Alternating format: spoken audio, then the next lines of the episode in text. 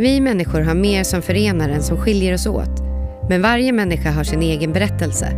Välkommen till Tusen röster, en podcast producerad av Hela Människan. Kyrkornas gemensamma sociala arbete.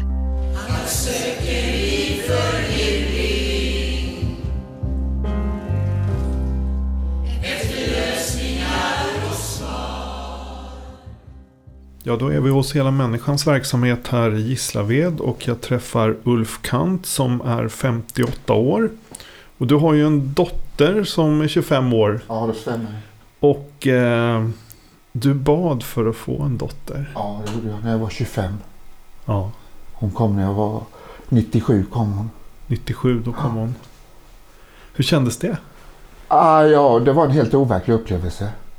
I och med min, eh, min partner, hon kunde inte föda normalt så hon fick föda kejsarsnitt. Så efter läkaren var jag den andra personen som fick hålla min dotter. Och jag fick göra allt det här, tvätta av henne och när jag fick se henne från början så kunde jag inte neka till det. Hon är väldigt lik mig. Och eh, jag fattade inte att jag kunde få en sån dotter. Hon är väldigt ödmjuk och godhjärtad. Jag har inte varit sån. Jag har varit en kall människa tills jag kom inom RIA då. Hela människan. Då förändrades allt. Mm. Men du har ju också haft en ganska tuff uppväxt också. Ja, Eh, Du vart ju full första gången när du var sex år. ja just det. Vill du berätta om den händelsen? Ja, det var så här. Vi hade varit på... Min syster konfirmerades i Anderstorp kyrka och eh, efteråt hade vi fest hemma i trädgården. Och eh, min faster, hon gillade inte likör utan sköt åt sidan. Och jag var nyfiken, grådmogen och var ju snabbt att titta på och fråga vad det var. Ja, det var likör och hon ansåg att inte det var så farligt. Min mamma opponerade sig men jag fick bara smaka på det till början men sen så var jag ju där och drack hela tiden för hon sköt åt sidan hela tiden. Så min mamma fann mig under bordet berusad. Sex år gammal. Ja. Och efter det så började du prova på lite. Ja, jag snattade av mammas likör till jag hittade pappas öl. Vad hände när du hittade pappas öl då? Ja, då behöver jag inte tala om mamma längre. De trodde att det var den ena eller den andra som hade tagit utav den andra. Så de misstänkte inte förrän de kom på mig. Jag tog för många öl av pappa en gång. Det var så han kom på mig. Men drack du tills du vart full? då? Nej, det var mer för att bli lugn i början. Sen var det ju bara för fyllan och... Mm. Men du kom in väldigt tidigt Ja, i just det här. ja. Och eh, när du var 13 så började du med cannabis. Cannabis. Ja, ungefär 300 meter från där, vi, där jag växte upp. Så var det ett bostadsområde.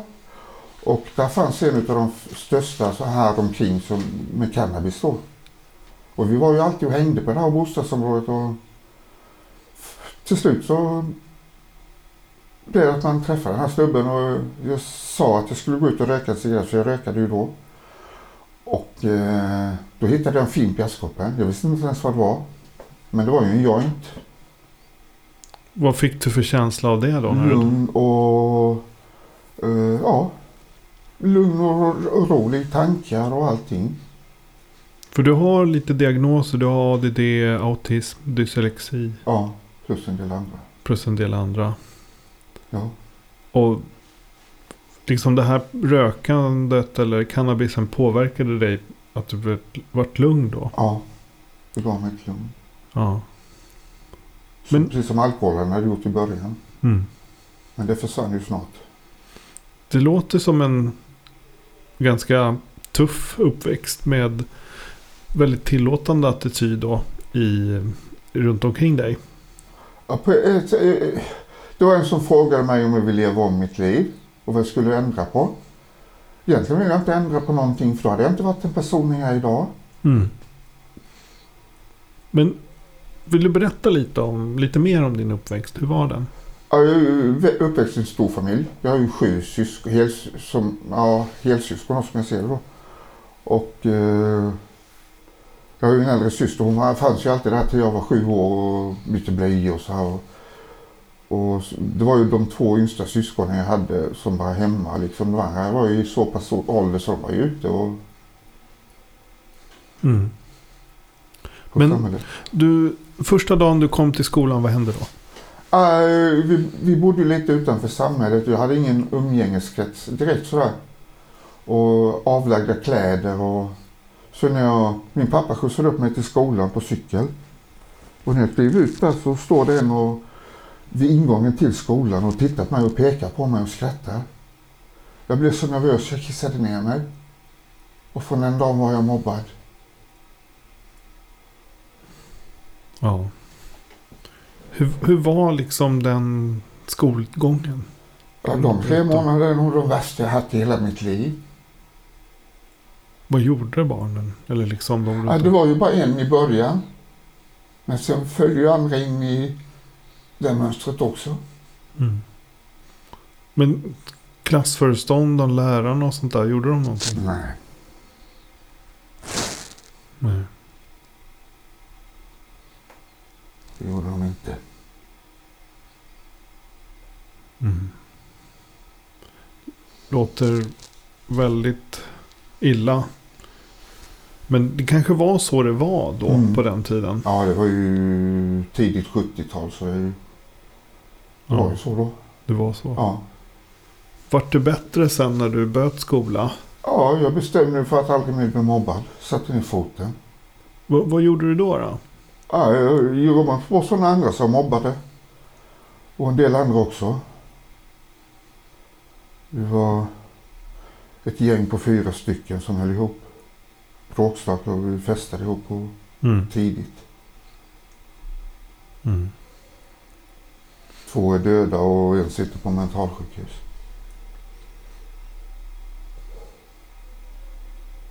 Hur kunde en vanlig dag se ut under den tiden?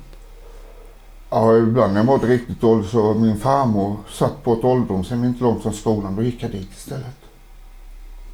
Mm. Där fick du lugn då? Ja. Min farmor Ada. Vad sa du hon? Hon heter Ada. Ada? Ja. Ja. Var hon viktig, viktig figur i ditt liv? Eh, när en gång när jag var hälsade på dig så sa hon att jag ber för dig pojk. Mm. Hade hon en kristen tro? Ja, Ja. Men, men var det eh, övriga familjen, var det någonting som Mamma hade fanns? ju en tro. Ja. Eh, pappa han, liksom var ju med, han blev ju eh, ordförande för Länkarna i Sverige sen. Okej. Ja, han levde ju nykter i 22 år, du vet.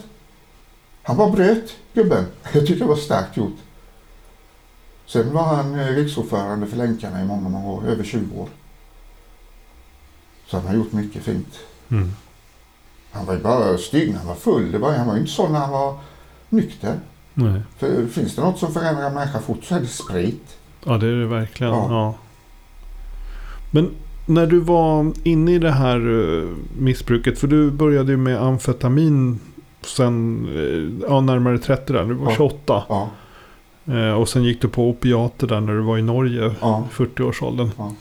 Ehm, men hur, hur, kunde, hur kunde ditt liv se ut en dag? Jag brukar säga så här, regnade ute så gick du inte och handlade mat. Men du åkte och köpte droger.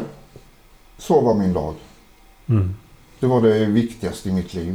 Hur fick du pengar till det här då? Ja, jag nasade lite själv och Mm. så, så, senare kom jag in i ett, en konstellation som man inte ska vara med i. Någon typ av kriminellt? Ja, ja. nätverk. Men du jobbade lite också. Ja. Du är Ja. tusenkonstnär sa du. Ja, Kock och svetsare och ytbehandling. Egen bilfirma också. Ja. Åkte ner och köpte bilar. ja flyttade de till Göteborg. Flyttade där till Göteborg. var Ja. Just det, där det fanns eh, salt. Jajamän. Intressant. Men eh, så har du, har du hamnat på, i fängelse och så? Ja, jag har suttit. Jag gjorde bort mig en gång för jag hamnade i en psykos. Och det var nu under min, eh, när jag var kristen. För den medicinen jag hade då, den skulle trappas ut. Men jag hamnade på beroendeenheten i Jönköping och de ströp det på under ett dygn. Och då hamnade jag i psykos. Man får inte göra så. Jag fick ju den medicinen när den inte var narkotikaklassad. Mm. Och hade jag vetat om vad den var för medicin så hade jag aldrig tagit den. Vad var det för något? Den hette Lyrica. Ja. Och den är jättefarlig. Man blir invaggas i en falsk eh, känsla liksom. Har de tagit bort den nu då? Nej, den finns fortfarande på marknaden. De ger den till unga ungdomar nu för tiden när de har depression och så. My God. Ja. Det finns något som är mycket bättre men det får man inte säga. Nej. Har du varit i hemlöshet också? Ja. Ja, Vad- en vinter. Jag bodde under järnvägsbron här i Gislaved. ja. Hur är det att sova ute så på en vinter? Eller under vintern? Ja, det är ju inget, det är inget jag rekommenderar. Nej. Hade du något tält då? Eller? Nej, jag hade bara en sovsäck och kudde. Ja. Låter tufft alltså. Ja. Ens på oss och sova ute. Hur ser en dag ut när man är hemlös? Hur börjar den? Med ångest. Ja. Hur man ska få dagen och... Men som tur var hade jag ju kompisar som fattade vad jag, hur det var. Så jag fick ju efter några månader efter så fick jag komma och bo hos dem. Bland annat han, han som ledde mig till RIA, Hela Människan första gången han lurade dit mig. När var det här? När, när Det var satt du? 2008. 2008? Ja, en kompis Manfred ledde mig till RIA. Ja. Tyvärr är han död när han dog i cancer. En väldigt fin människa. Mm. Och sen något år senare då, då faktiskt så döptes ju du. Ja, 2009 där. Jajamän. Och det var ju hela Ja. människans Ja. förtjänst sa du. ja. Hur, hur gick det till? Ja, det var så här. Jag gick ju här på RIA, så, eller hela människan då, så kom han föreståndaren då, för jag var i riktigt dåligt skick då. Så frågade han först om jag ville komma bort från Gislaved. Ja, sa jag, men jag kan inte just nu. Ja, varför det? Därför att jag ska döpas i september. Ja, men i oktober hur ser det ut då? Ja, då ser det lugnt ut. Så då, eh, han drog ihop så jag fick komma på bibelskola i Göteborg. Och det är nog...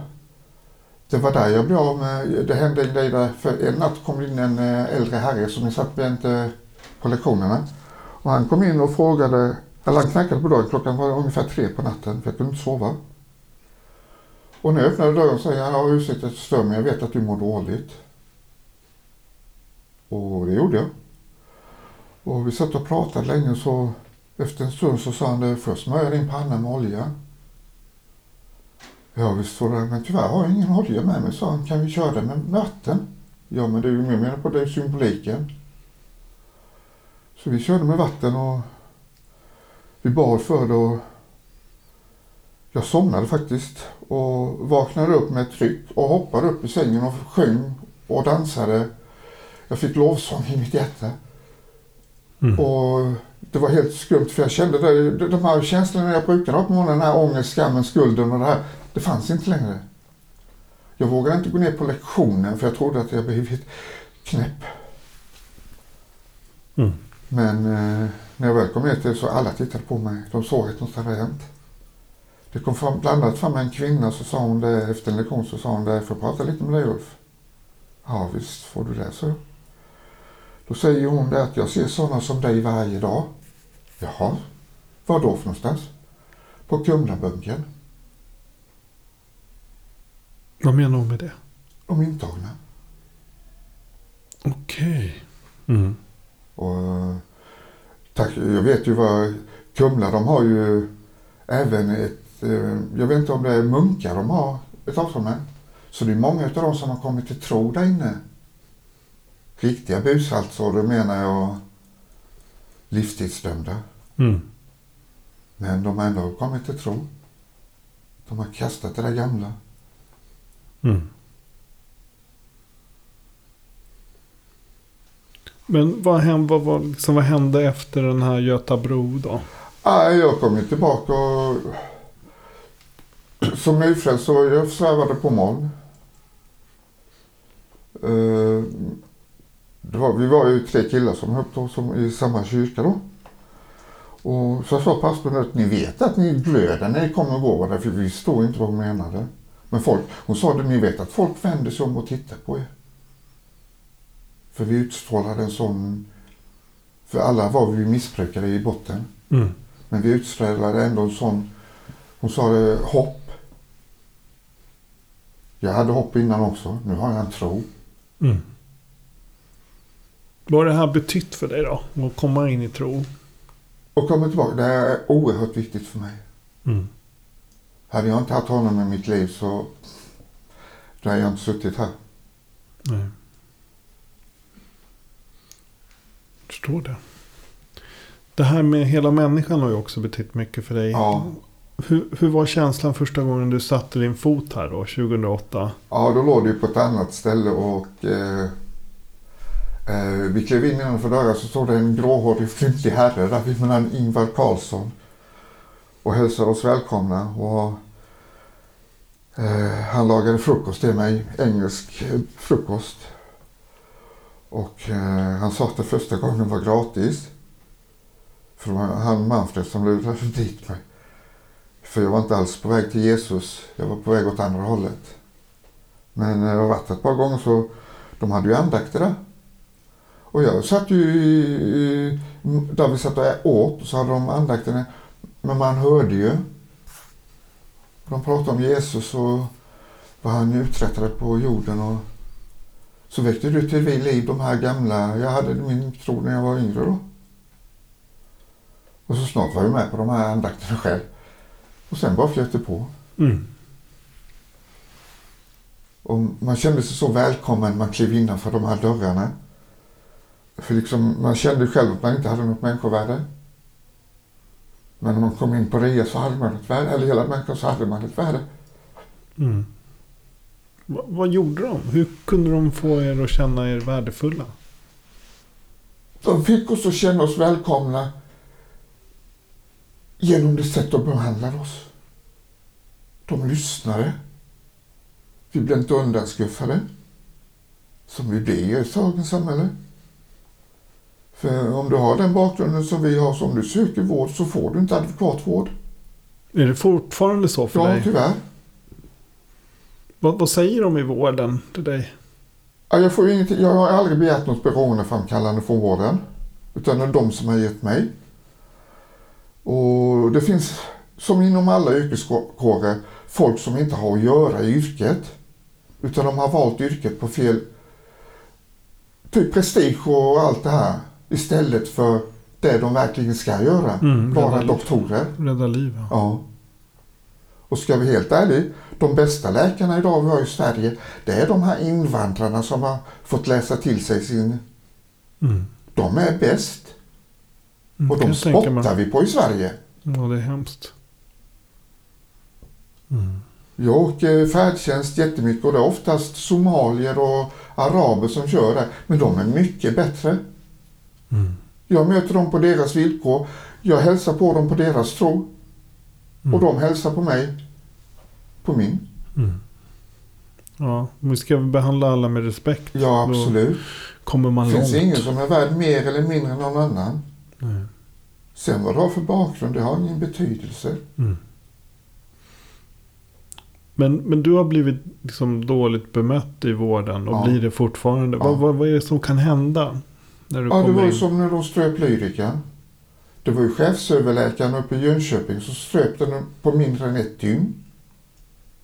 När man ska fasa ut den Ja, liksom. och den ska till och med fasas in. Men mig satte de in på högsta dos, i och med att den inte var narkotikaklassad. då. Satte de in mig på hö, högsta dosen direkt. Mm. Och man blir lurad för man, blir, man får en sån eufori. Ungefär samma som jag fick när jag blev eh, frälst. Men det är ju bara en illusion. Mm. Medicinen med Jesus är ju ingen illusion. Nej. Han har ju gått omkring på jorden. Mm. Men du vart ju frälst där och du tog dig ur eh, drogerna Ja. när du döptes där 2009. Men sen föll du tillbaka en Ja. gång. Vad var det som hände där? Äh, avundsjuka. Gentemot mig då. Eh, och för jag förstod inte liksom varför han gjorde så. Eller personen gjorde så mot mig. Han förtalade mig och vi är ju ändå bröder. Mm.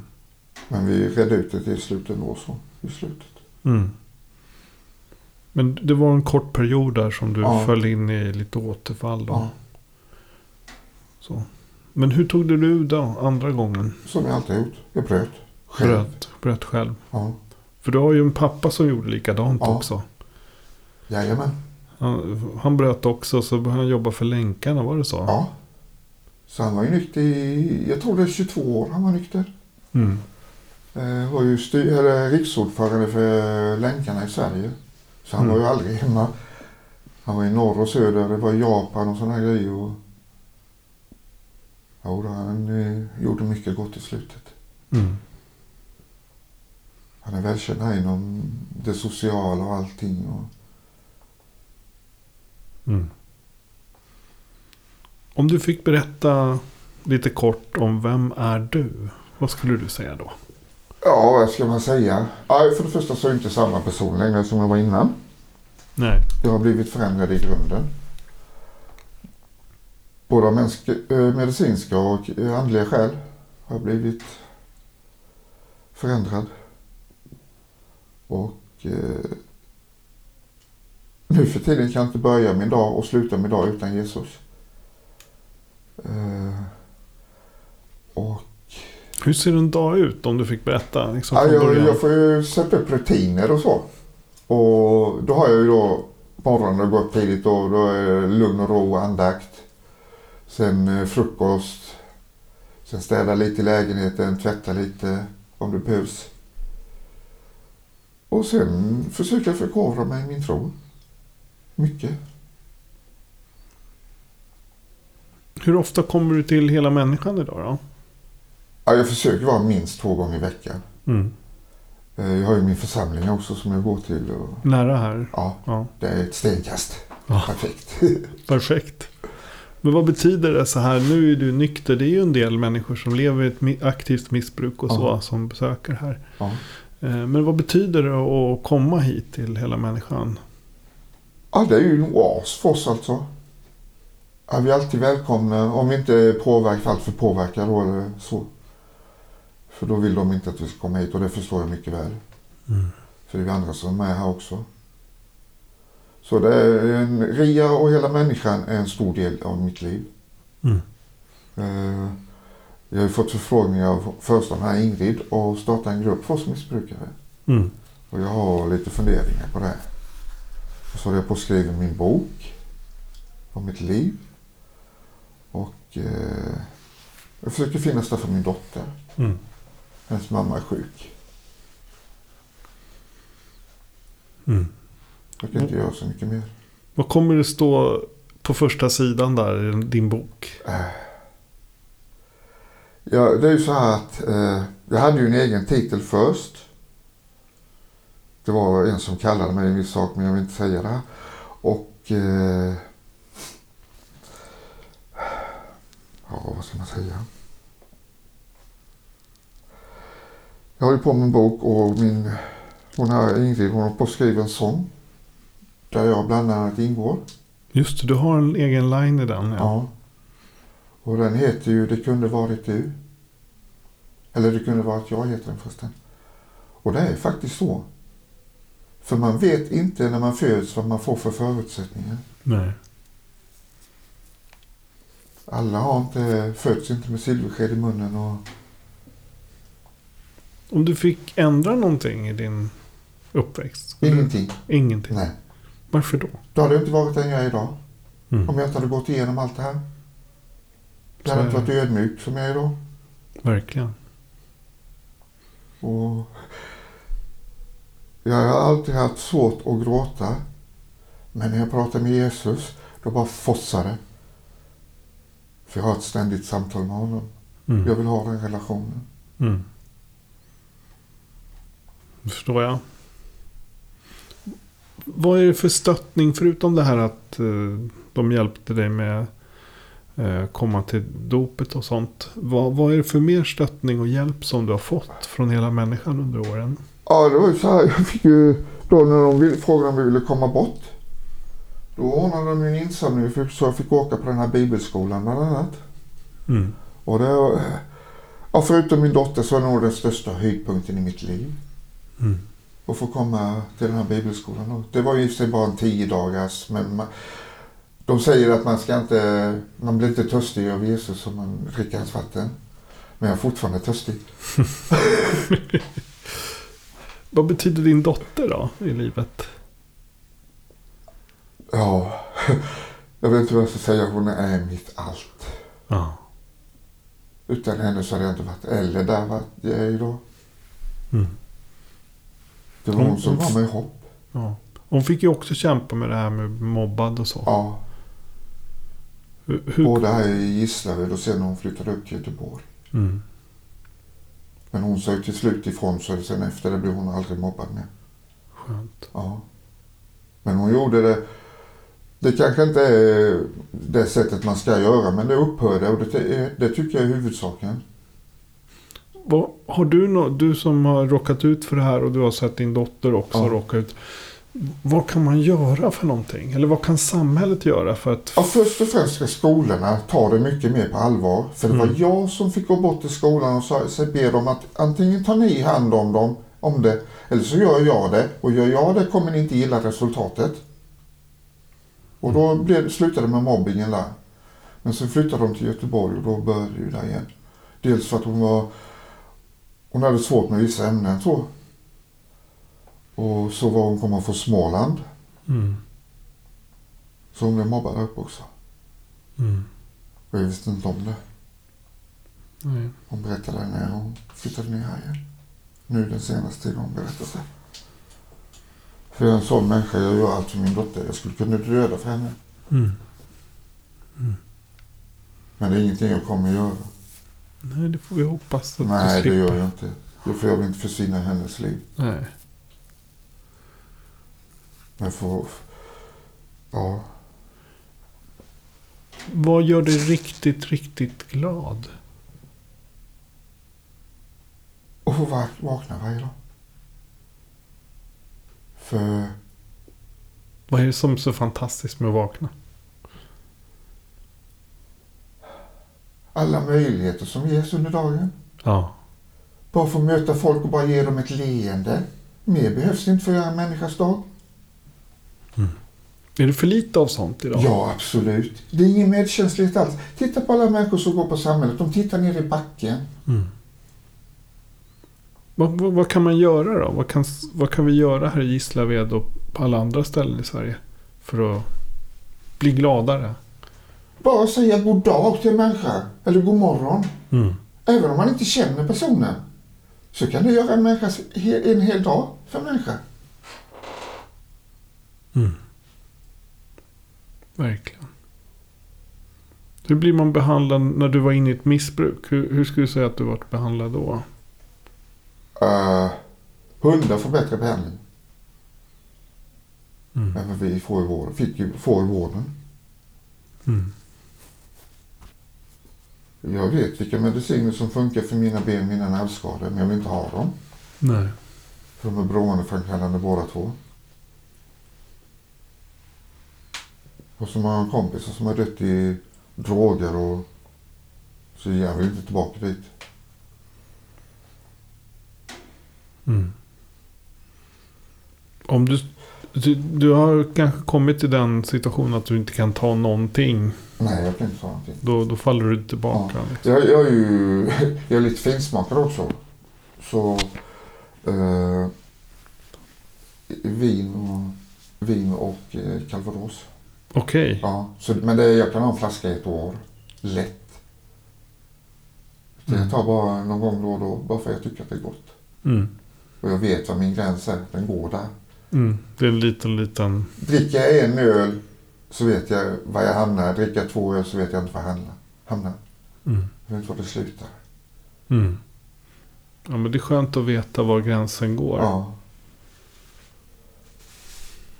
Vilka människor är det som brukar komma hit till hela människan? ja, nu är det ju eh, faktiskt eh, andra utslagna också. Det tycker jag är positivt. För de behöver också någonstans att vara. Det kan vara psykisk Ja, ohälsa. psykiskt och, ja. fysiskt och alla Ja. välkomna. Så har de, idag delar de ut en matkasse Ja. också. Har det hänt att du har Ja, tagit? de har till och med kört hem till mig ibland när jag var sjuk då. Ja. Helt fantastiskt. Jag har fått sånt bemötande på i den här organisationen. Så det, Du, du är ju sjukpensionär. Ja, Och jag tänker att det kanske inte är jättestora summor som du får. nej. Vad betyder den här påsen? Jättemycket, Matkassan. Jättemycket. Oftast är det ju sånt som man inte har råd att köpa som kött och sånt här.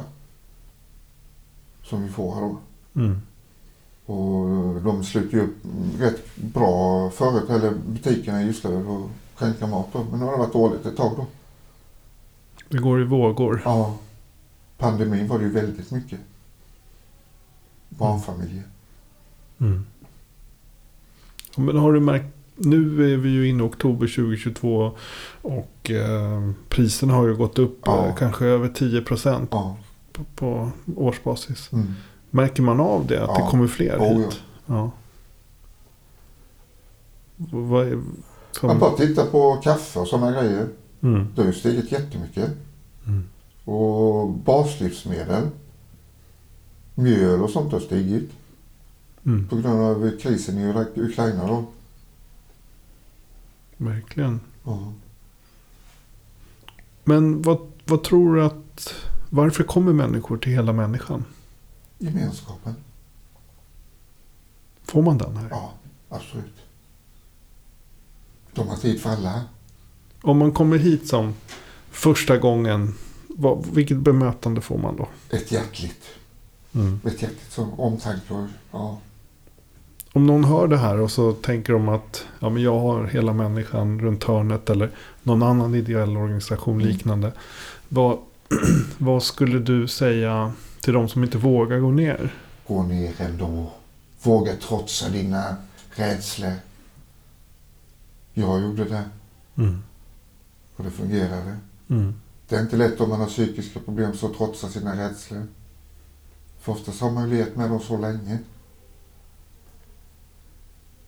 Eh, Jag känner ju en del som går här som har psykiska problem och det är en lång väg tillbaka där. Verkligen. Ja. Ja, det förstår jag. Har du några, håller du på med skapande eller hobbys eller något sånt? Eh, min dotter var uppe i eh, Östersundstrakten för ett tag sedan. Jag hade en- en hobby när jag var liten. Det var frimärkssamlande. Så sa hon jag har massa konstiga frimärken här uppe. Det är en gammal butik. De har som eh, familjegård då. Och de hade massa frimärken och sånt där, sådana som jag aldrig sett innan. Så hon fick dem, hon kom hem till mig i lördags. Då hade de med sig en, så hon har väckt upp mitt filateri-intresse igen. Heter det. Ja, just. Lite, ja. Så lite lurad då så samtidigt. Men det är bra, det är rogivande att hålla på med. ja. Man kollar upp priser i de här böckerna. Ja. Och så har de en del frimärken ju faktiskt riktiga konstverk. Ja. Fantastiskt. Sen på jag ju rehabilitering och så. Mhm. Så jag är ute och promenerar morgon och kväll. Mm. Och kan jag inte sova så är jag ute och går på natten också. Ja, men det är väl ett bra sätt. Mm. Och, om man inte kan det. Mm. Du växte ju upp på 60-70-talet, Ja. eller hur? Mm, det stämmer. Eh, tror du att det eh, ser likadant ut att växa upp idag? Nej, jag tror det är mycket kallare idag. Klimatet för de som växer upp. På vilket sätt? Det är mycket större krav idag än vad det var då. I skolan och Ja, så? både i skolan och i livet. För jag skulle inte vilja vara ungdom idag. Nej. Vad kan vi göra för att förändra det?